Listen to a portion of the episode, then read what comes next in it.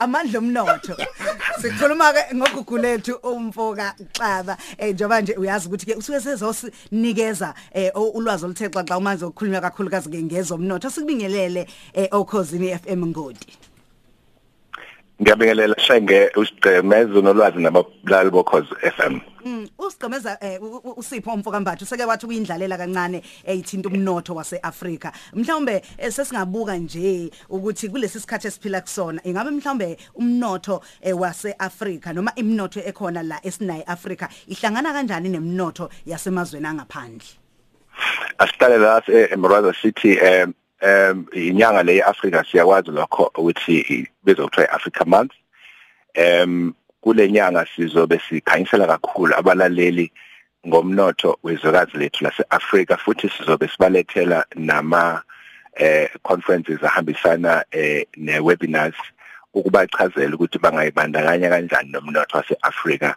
Eh eyintweni eziningi ezincane ezinganakekile futhi abanye abantu abaye bacabanga ukuthi ukuze uyibandakanye nomnotho wezwekazi laseAfrika ufanele ukuthi ube usondo onzima wasomabhizinisi kanti cha empeleni izinto zezincane abasuke beshoda ngazo kwamanye amazwe aseAfrika. Sike sakhuluma lapha njengoba sihlale siqinisisi sikhuluma kabanzi kule ngosi ngezinto ezihambisana neAfrican Continental Free Trade Area Agreement okuyisivumelwano esaziyo ukuthi singene ngokusemthethweni sasayindwa ngokusemthethweni maqala lonyaka ngomhla ka1 kuJanuary lapho eh, umongameli wethu ekade esewumongameli noma esewusihlalo we-African Union ekade nabanye basayinda lomthetho osuse eh osuphambi kwa wonke umuntu ukuthi sengaqala manje awusebenzise ukwazi eh ukuthi bayithuthukisa abantu ezwenikazi laseAfrika.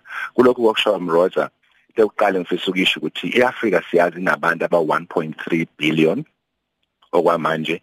Umnotho wayo uwonke umqukuthu nje womnotho weAfrika eh ngokwembiko yakamuva u2.6 trillion wama dollars okusho ukuthi cishe mawukubusa kuma randa la eNingizimu Afrika u39 trillion wama rand bese kuthi kunemali lapho ke ibizwa kuthiwa i-purchasing power parity.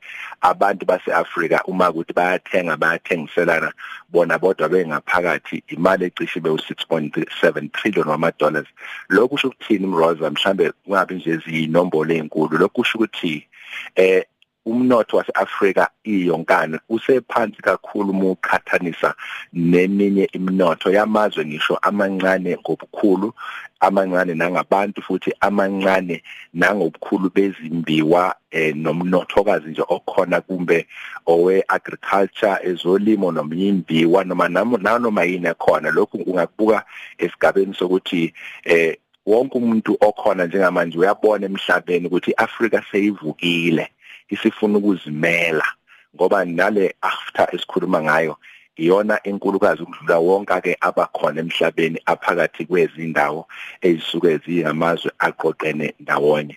Sike saba lapha ne-China Africa Summit saba ne-USA Africa Summit saba ne-India Africa Summit. Kusho ukuthini lokho? Kusho ukuthi amazwe amaningi asefuna manje ukuyibandakanya esigabeni sehlukile nezwekazi lase-Afrika ngoba ayabona ukuthi liyavuka lima ngeinyawo ekutheni liyithuthukise. Kodwa akusho lokho ukuthi eza ngeinhloso ezinhle kuphela ziningi inhloso amazwe eza ngazo ezinye ezinye ezinhle zokulokho efuna eqhubekile ukuthi acindezele izwekazi lase-Afrika. Lokhu kusidinga ukuthi sivuke njengama-Afrika sibe futhi nabaholi abahlakaniphile abaqondayo futhi abangabona ogombela kwesaba abacabangela izizukulwane ezilandelayo zokuthi asikwazi kulokhu sihlala sidlelwa umnotho wethu eAfrika yakithi.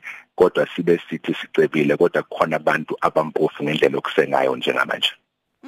Uyazi ukukhuluma into ke engithusayo njoba ukhuluma nje ngilalele. Njengongoti ke mhlambe wezomnotho ubona ukuthi iyona yipi indlela thina njengeAfrika singayenza ukuba sishintshe sonke isimo esibhekene naso ukuze phela umnotho wethu ukhule nathi ukwazi ukuncintisana ukwazi futhi ukuthi ke ube ezingeni eliphezulu ezingeni lomhlaba kuthi konke sinakho esigabe ngakho sigcine sigcinele thina kube ngamandla ethu.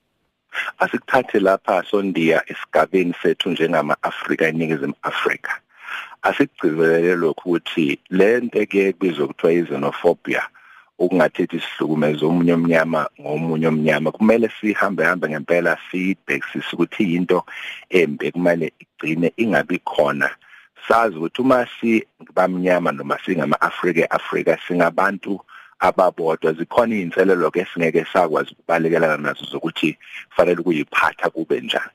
Kodwa uma siqala lokho esigabeni sethu lapha eNingizimu Afrika fanele siqonde ukuthi iNingizimu Afrika ngeke izikwazi ukukhula ifinyelele esigabeni kufanele ifinyelele kusona iyodwa ngoba uma sithengiselana thina lapha ngaphakathi siyadinga ukuthengisa ezinye zezimpahla zethu emazweni angaphandle hayi nje ukuthi ngala ngaphakathi ngoba sibancane lapha sinawo 59 million.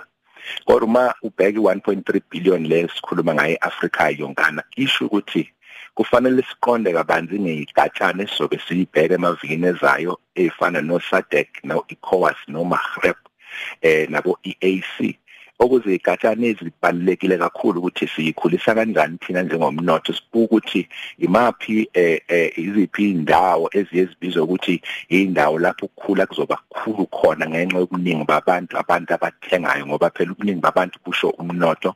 Kusho ukuthenga kusho ukwazi ukuthi eh, kwakheka umnotho omkhulu. Ilokho mroza kufanele sikubheke uma ukuthi sifuna ukukhula njengeAfrika. Nokuthengiselana ke ngaphakathi ngoba iAfrika okwamanje sathengisela kakhulu amanye amazwe angaphandle futhi ngisho ukudla ekuthengayo okuningi kuvela ngaphandle kodwa kube kuyiyona efangabe yondla umhlaba wonke jikelele. Ukhuluma nje ngiyabuka nezinkundla zokuxhumana eh bathi siyabonga ukusivula amehlo. Ngibona bona ombuyiseni Sithomo ontombi inkosi eh o future mzizi eh bese kuba babhalile futhi nabo bayacebisana njengoba ukhuluma bathatha lokho okushoyo bathi asivuke njengama Africa eh sibe nabaholi futhi ke abahlakaniphile sebe sebedingida lona ke leli phuzo oqeda ukukhuluma ngalo. Khona khona la eh kuyivuka Africa fan page. Uma ngibheka ke futhi eh, mhlawumbe okunye abanga singafisa nje ukwazi singabalaleli ukuthi ikuphi okunye ophezulu kwakho njengamanje nalabo angakwazi ukulandela khona. Eh Murazo siyatholakala ku amandla.omnotho.co.za noma kuyi Facebook page yethu noma nje kusishilo umthiya.